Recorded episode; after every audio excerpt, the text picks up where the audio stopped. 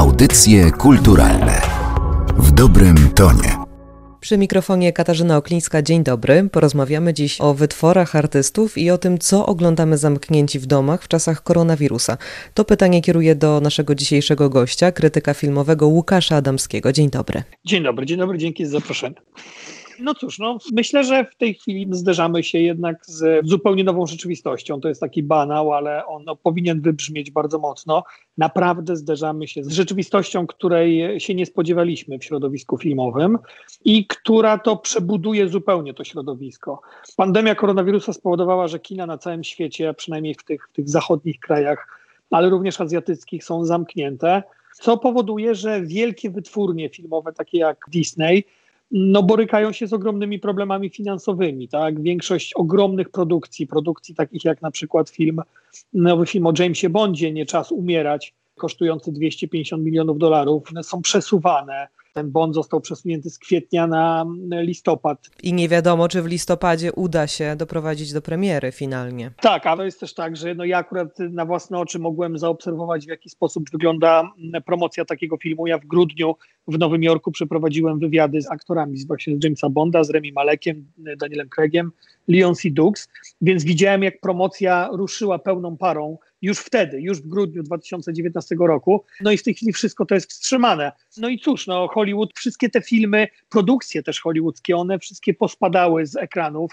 Pamiętajmy, że to, że film jakiś taki jak James Bond zostanie przerzucony na jesień, no to on się nie tylko zderzy z filmami, które już mają tam swoje premiery, ale spowoduje, że ogromny taki no, korek się utworzy na ekranach kin i nie wiadomo, kiedy te filmy mają ze sobą wchodzić, jak one mają ze sobą konkurować, prawda? Producenci przecież te filmy przerzucają w różne okresy, żeby one nie zderzały się z innymi wysokobudżetowymi produkcjami. Więc oczywiście wszystko to jest wchłaniane w tej chwili przez y, serwisy VOD, przez Netflixa, przez HBO. Właśnie, właśnie. Powiedział pan, że filmy i nowe produkcje mogą stracić sporo pieniędzy, ale warto powiedzieć, że jeden z najpopularniejszych serwisów udostępniających filmy na życzenie w czasie pandemii zyskał 12 milionów nowych subskrybentów na świecie, czyli jest ktoś, kto wygra. Tak, ale ale to też jest pytanie, jakie to będzie zwycięstwo, bo proszę nie zapominać o tym, że to, że Netflix w tej chwili ma tych nowych użytkowników, to, wcale nie oznacza problemów Netflixa, bo Netflix również zatrzymał wszystkie swoje produkcje. Netflix nie jest tylko wielką wypożyczalnią filmów, które już są produkowane przez inne hollywoodzkie wytwórnie. Netflix ma dzisiaj siłę Disneya, Netflix ma dzisiaj siłę Warner Brosa, Universala i innych tych ogromnych korporacji, które produkują filmy. Jeżeli Netflix zatrzymał swoje produkcje, między innymi drugi sezon Wiedźmina, co nas interesuje Polaków szczególnie mocno, to jeżeli ta pandemia będzie trwała jeszcze dłużej, to oni również nie będą mogli swoich nowych produkcji pokazywać. A jakie inne będą produkcje pokazywać, jak Hollywood też swoich filmów nie produkuje? Więc to wcale nie jest takie pewne, czy Netflix na dłuższą metę wygra. Słuszna uwaga, chociaż pańska wypowiedź jest taka dość pesymistyczna, zaczynam się bać. Ja troszeczkę jestem z natury pesymistą, ale to może też dlatego później wiele rzeczy mnie nie zaskakuje. Jak coś się dobrego dzieje, to cieszę się podwójnie. To jest taka maksyma Woodego Allena, który też jest wiecznym, wiecznym pesymistą. Ja oczywiście mam nadzieję, że te kina będą powoli uruchamiane, ale tak czy siak, nawet jeżeli one będą uruchamiane, no to one będą uruchamiane w jakimś tam małym stopniu, będą powoli uruchamiane, więc te duże produkcje nie będą wprowadzane na te ekrany kin, no bo jednak kiedy mamy tak wielką produkcję jak filmy marvelowskie, które też przecież mają poodwoływane premiery, Czarna Wdowa, tak, Nowy Kapitan Marvel, druga część, tak, no te filmy miały swoje premiery mieć, zostały wycofane. Hollywood chce, żeby te filmy się otwierały we wszystkich krajach. To nie są filmy, które się dobrze będzie oglądało na VOD. To znaczy, nikt chyba nie wyobraża sobie, że James Bond produkowany za 250 milionów dolarów, że jego producenci, pani Barbara Broccoli, będzie chciała ten film wrzucić na platformę VOD, żeby ludzie oglądali na telefonach komórkowych, czy na tabletach, czy nawet na telewizorach, choćby nie wiem jak wielkich to są filmy, które trzeba oglądać na ekranie kin. My stoimy wszyscy przed taką jedną wielką niewiadomą. Disney traci bardzo dużo pieniędzy nie tylko dlatego, że nie produkuje, nie tylko dlatego, że wstrzymał swoje premiery, ale również dlatego, że parki rozrywki Disneya nie są otwarte. I ja myślę, że to na, na zawsze przebuduje ten rynek, również w takim kontekście tych wielkich premier, bo to, że my gdzieś będziemy wchodzić w następne stadium tego koronawirusa, tej pandemii, to, że będziemy czekać na tą szczepionkę bardzo długo pewnie, to nie znaczy, że wrócą takie premiery, jakie widzieliśmy, czerwone dywany, tysiące ludzi na salach wielkich. Tego wszystkiego nie będzie. Czyli myśli pan, że to jest kwestia najbliższych kilku ładnych lat, nie miesięcy? Wszystkie, że tak się wyrażę, autorytety medyczne mówią o tym, że na szczepionkę poczekamy, o ile ją w ogóle dostaniemy. A czy widzowie, zwykli ludzie, którzy lubią sobie raz na tydzień pójść do kina, przystosują się tak łatwo do tej nowej rzeczywistości? No to jest pytanie, jak technicznie przystosować kina. Ja się najbardziej obawiam o te kina małe studyjne, to znaczy z jednej strony w Polsce kina studyjne, one mogą przetrwać nawet mają większą szansę przetrwania niż multiplexy, moim zdaniem, z dwóch powodów. Po pierwsze, małe kina studyjne często są poza galeriami handlowymi i mają swoją widownię, prawda? Znaczy, są ludzie, którzy dzisiaj bardzo czekają na to, żeby iść do kina studyjnego, bez popcornu, z jakimś kieliszkiem wina w ręku, z kawą w filiżance, obejrzeć sobie ulubiony film ale to jest pytanie, czy po prostu właściciele będą w stanie przetrwać tak długi czas bez mm, filmu na ekranie. A co do widzów, no nie wiem, ja nie wiem jak to ma wyglądać, to znaczy co, będzie stał przed wejściem w kinie pracownik i będzie pilnował, żeby na salę weszło połowa widzów, a nie więcej, ale jeżeli tak będzie, no to pamiętajmy, że producenci filmowi, szczególnie polscy, bo Hollywood jakoś tam sobie poradzi. Ale weźmy na przykład polskich producentów filmowych. Oni naprawdę żyją z tych biletów kinowych. Oni naprawdę produkują swoje filmy dlatego, że mogą zarabiać na tych filmach w kinach. Jeżeli z mocy prawa tylko połowa widzów będzie wpuszczana na salę, no to oni będą mieli połowę mniej pieniędzy. Czy polskie kino się z tego podniesie? To jest kolejne bardzo istotne pytanie, bo polskie kino może naprawdę przez lata się nie podnieść z tego, co się w tej chwili dzieje, a przecież polskie kino ostatnio święciło wspaniałe triumfy choćby nominacja do Oscara dla Bożego Ciała. I proszę też zauważyć, no, w lutym wszyscy oklaskiwaliśmy Leszka Bodzaka, Jana Komasy, całą ekipę. Parę tygodni wystarczyło, żeby cała rzeczywistość się po prostu przewróciła i nie wiemy, jaka będzie dalej. Bardzo pesymistyczna to wizja. Porozmawialiśmy o tej skali makro, więc teraz przyjrzyjmy się skali mikro. Lista filmów, po które sięgają Polacy od kilku tygodni, trochę, nawet bardzo się zmieniła. Zaczęły się na tej liście pojawiać obrazy o szeroko pojętej tematyce pandemicznej.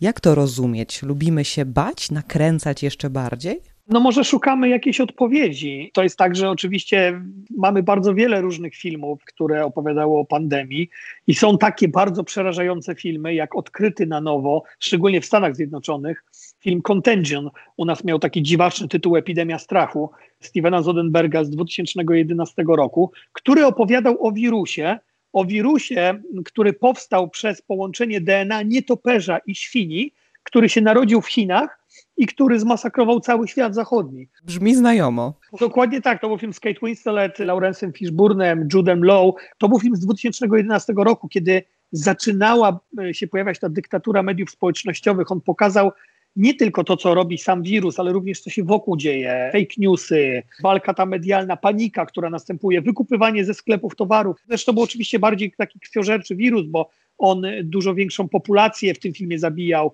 ale no mimo wszystko, to jest film bardzo profetyczny, ale no przecież mamy też inne takie filmy apokaliptyczne, postapokaliptyczne, kiedy oglądamy film Jestem legendą z Willem Smithem i widzimy, jak Will Smith jest sam na Manhattanie, jest tym naukowcem, który został na zamkniętym Manhattanie, ponieważ chce znaleźć szczepionkę na wirusa, która zabiła 99% populacji na świecie i widzimy, jak on przemierza ten Manhattan samotnie ze swoim psem i po kościołach biegają zwierzęta, po ulicach biegają zwierzęta, to się dzisiaj w jakimś tam stopniu dzieje na Manhattanie.